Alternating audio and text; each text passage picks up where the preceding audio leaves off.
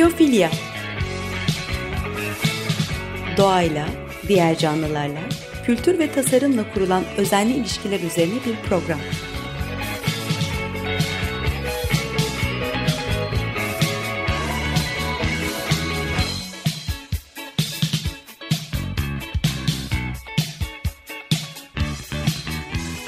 Hazırlayan ve sunan Nurhan Healer.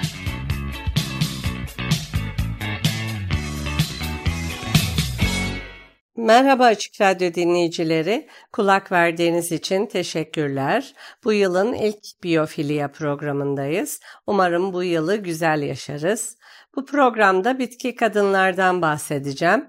Jennifer Jewell, ilham veren 75 kadını tanıtıyor. Botanik, çiçek tasarımı, peyzaj mimarisi, çiftçilik, şifalı bitkiler ve gıda adaleti gibi geniş kapsamlı alanlarda çalışan bu etkileyici kadınlar, baştan sona değişim yaratabilen kadınlar. Bu kadınları bir kitapta bir araya getirmiş Jennifer Jewell. Ee, kitabın adı The Earth in Her Hands, 75 Extraordinary Women Working in the World of Plants. Dünya onların ellerinde 75 olağanüstü kadın bitkiler dünyasında çalışıyor. Kitap Timber Press'ten çıkmış. Bu kadınlar arasında çiçek yetiştiricisi Aaron Benzakin, Soulfire Farm'ın eş direktörü Leah Penniman, bitki kadını Flora Group, yenilenebilir ve kültürel peyzaj tasarımcısı Leslie Bennett, Karayip asıllı Amerikalı yazar ve bahçıvan Jamaica Kincaid, toprak bilimci Elaine Ingham, e, peyzaj tasarımcısı Ariella Cesar, çiçek tasarımcısı Amy Merrick ve çok daha fazlası var. Kişisel hikayeler ve deneyimleriyle zenginleşen Jewel'ın portreleri, yaşı, yeri ve geçmişi aşan bir bağlılığı ortaya koyuyor. Bize bitkilerin dünyamızda ve yaşamlarımızda derin rolünü hatırlatıyor. Kadınlar çok uzun zamandır tohum ve fidan dikiyor. Bu kadınların tarihlerini belgeleyecek zamanları ya da imkanları yoktu. Yaşamlarını bitkilerle sürdüren kadınların ya da bitki bilgisi ve uygulama alanını genişleten kadınların öyküsünün tamamını anlatmak mümkün değil. Bizden önce toprağı işleyen, tohumları filizlendiren enerjik kadınlar ve geride bıraktıkları kompost açısından zengin topraklar var. Bitkilerde kadın olmak ne demek? Yazar bu kitabı yazarken tam olarak bir bitki kadınını amaçlamamış. Ancak seçip kitapta anlattığı bu kadınların çoğu kesinlikle öyle. Bu listeyi derlemek bir ormanın toprağındaki işbirliği yapan organizmalar arasındaki misal yollarının haritasını çıkarmaya benziyor. Ee, onlar farklı bireyler olsalar da yine de bağlantı ve iletişim içindeler. Birbirlerinden öğreniyorlar, birbirlerinden rahatsız oluyorlar, birbirlerine tepki veriyorlar ve yanıt veriyorlar. İnsanların bitkilerle olan ilişkisi bizi doğal dünyaya, topluluklarımıza ve güçlü entelektüel, fiziksel ve ruhsal düzeylerde kendimize bağlıyor. Yazarın 53 yılı aşkın süredir toprağa kazma, bitkilere bakma ve orada hayat bulma süreci, eş zamanlı gözlemleme, sorgulama, röportaj yapma ve aynı yolculuktaki diğer insanlardan öğrenmeyle veya kuantum bahçeciliği ile tamamlanmış.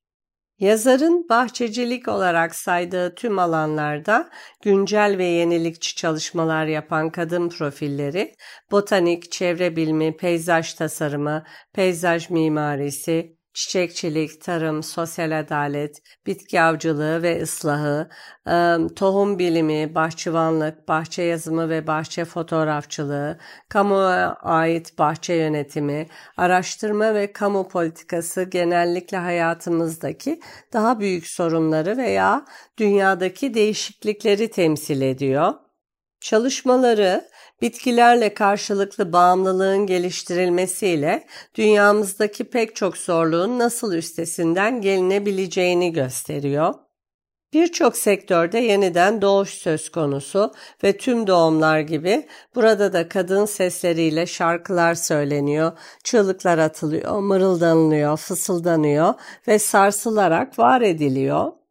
Pek çok kültürde kadınlar işbirliği yapmak, beslenmek ve bütünsel düşünmek üzere sosyalleşir, farklı işleri aynı anda yapma zihniyetiyle ve kabiliyetiyle hareket ederiz. Bu 75 kadın e, tüm çalışma alanlarında her türden daha fazla kadının toplum olarak hayatın zorluklarına yaklaşımımızda daha fazla denge kuracağını umuyorlar.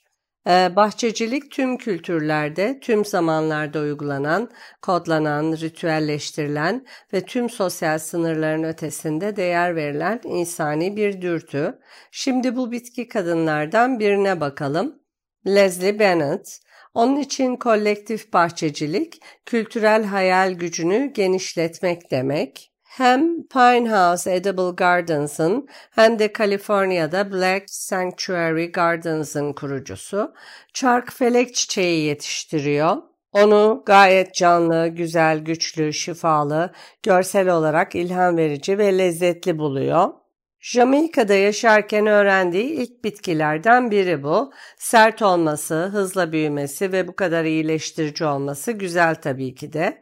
Leslie yiyecek, ilaç ve güzellik için toplanabilen bitkilerden hem güzel hem de üretken bahçeler kuruyor, bakımını yapıyor. Bahçecilikteki kültürel mirasın değerine değiniyor. Leslie 1978'de doğmuş. İngiliz beyaz bir anne ile Jamaikalı siyah bir babanın kızı. Ee, bahçecilik sevgisi annesinden. Ona yerel bitki adlarını öğretmiş. Babası öksürük ve ateşten kurtulmak için limon otu çayı, Jamaika'da ateş otu olarak biliniyor, onu yaparmış. Harvard Koleji'nden çevre bilimi alanında çevreciliğin sosyal adaletle nasıl etkileşim kurduğuna özel olarak odaklanarak mezun olmuş. Kolombiya Üniversitesi'nden hukuk diploması da var. Ardından kültürel varlık ve peyzaj koruma konularına odaklandığı University College London'da hukuk alanında yüksek lisans yapmış. Bu farklı disiplinlerden aldığı bakış açılarını bahçeye yansıtmış, insanların kolektif mirasının ve kolektif kimliğinin peyzajlarının görünümünü, peyzajlarını nasıl işlediklerini, kullandıklarını ve kamusal ve özel olarak nasıl değerlendirdiklerini düşünmeyi gerçekten ilginç buluyor. Leslie İngiltere'de Amerika Birleşik Devletleri Tarım Dairesi yabancı biriminde çalışmış. Leslie'nin Jamaikalı aile tarafında bahçıvan olmak veya topraktan geçimini sağlamak e, hiç de matah bir şey değil. Bir topluluk olarak, bir aile olarak ilerlemeyi temsil etmiyor bahçıvanlık ve toprakla uğraşmak. Hukuku bırakıp çiftçi bahçıvan olmak için pek çok şeyi sorgulamak zorunda kalmış. Mutluluk ne ola ki, başarı nedir? Benim için önemli olan ne ki? Jamaika ve Kaliforniya'nın Nevada ilçesinde birkaç yıl boyunca kendi kendine yönettiği çiftlik bahçe ve çıraklık eğitiminin ardından kariyeri hızla ilerlemiş. İlk işi olan Star Apple Edible Gardens'ı kurmuş. İlk kitabı The Beautiful Edible Garden'ın eş yazarlığını yapmış ve ikinci işi olan Pinehouse Edible Gardens'ı kurmuş. Victoria döneminde 18. yüzyılın başlarında İngilizlerin hayran olduğu ve gıpta ettiği kolonyal bitki avcılığı yapan ananas yetiştirmek amaçlı inşa edilen seralar için çam evi pine house terimi kullanılmış. Bu bahçecilik dünyasında Jamaika ve İngiltere'nin buluştuğu bir andı ve bu hikayenin birçok katmanı olmasına rağmen yine de bu ismi seçmiş çünkü kültürlerin bitkiler etrafında bir araya geldiği o anı gerçekten ilginç bulmaya devam ediyor. Leslie'nin çalışmaları 2014'ten bu yana bilinçli olarak farklı ırklardan insanları merkeze alan bahçe alanları yaratıyor. Bahçe alanının şeklini yönlendirmek için onların kültürel geçmişlerini ve yaşamlarını temel alıyor. Bu kişilerin özel deneyimleriyle ilgili yiyecek, çiçek ve ilaç sağlayan bitkileri kullanıyor.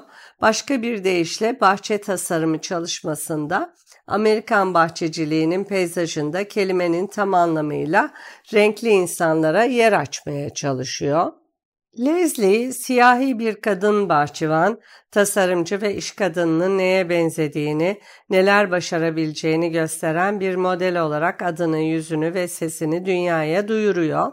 Çalışanlarını işe almaktan eğitmeye ve desteklemeye kadar işinin her alanında misyonunu gerçekleştirmek için çalışıyor.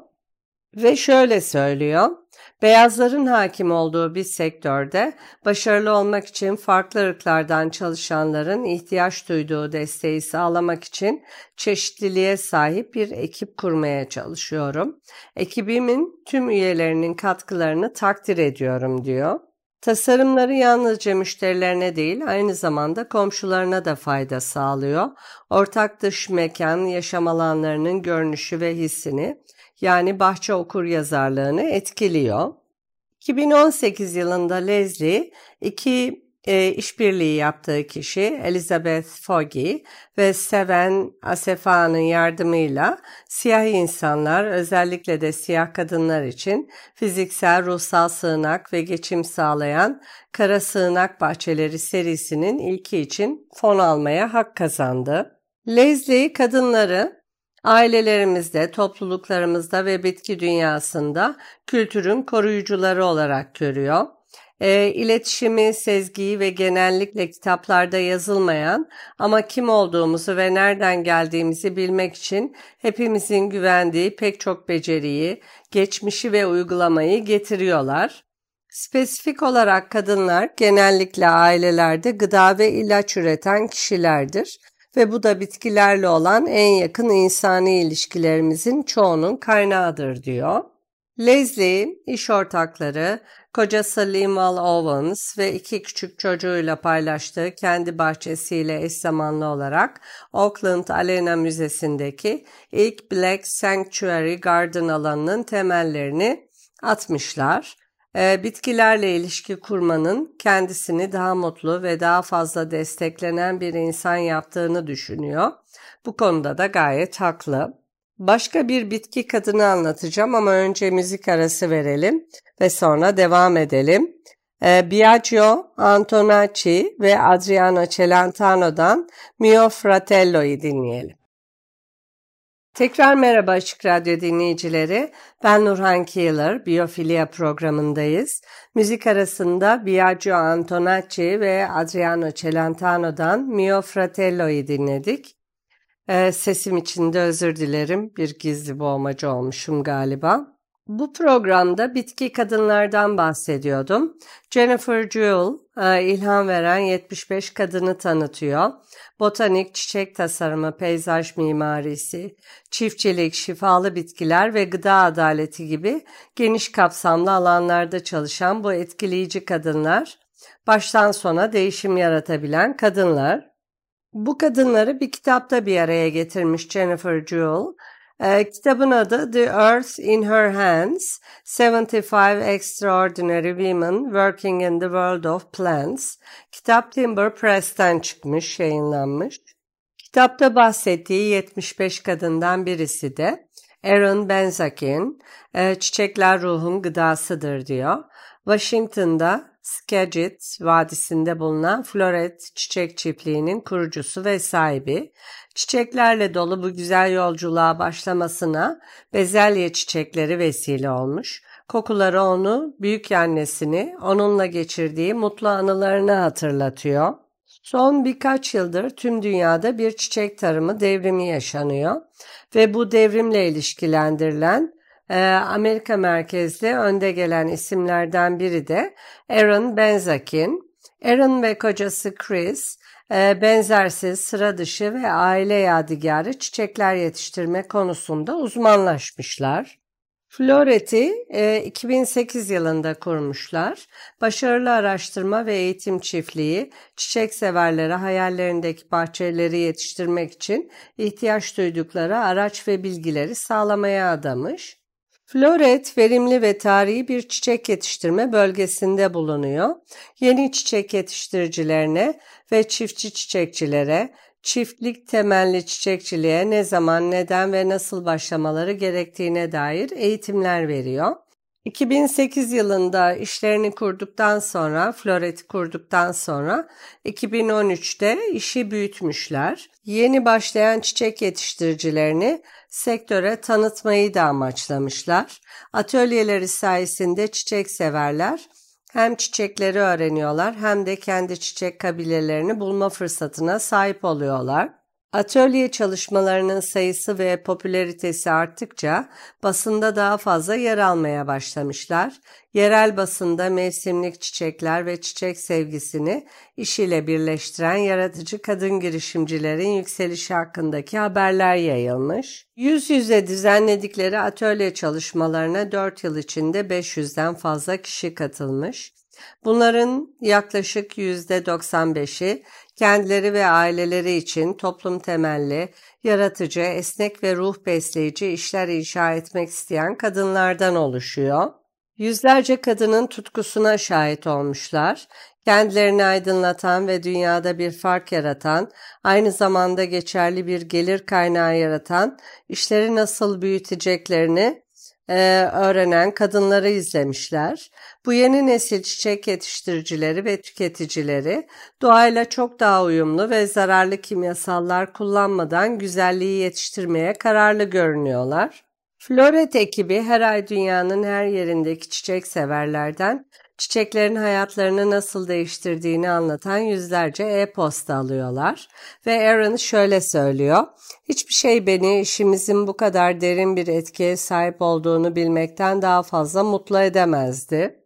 Aaron'ın ilk kitabı Floret Çiftliği'nin Kesme Çiçek Bahçesi, yeni çiçek yetiştiricilerini model okuyucu olarak alıyor.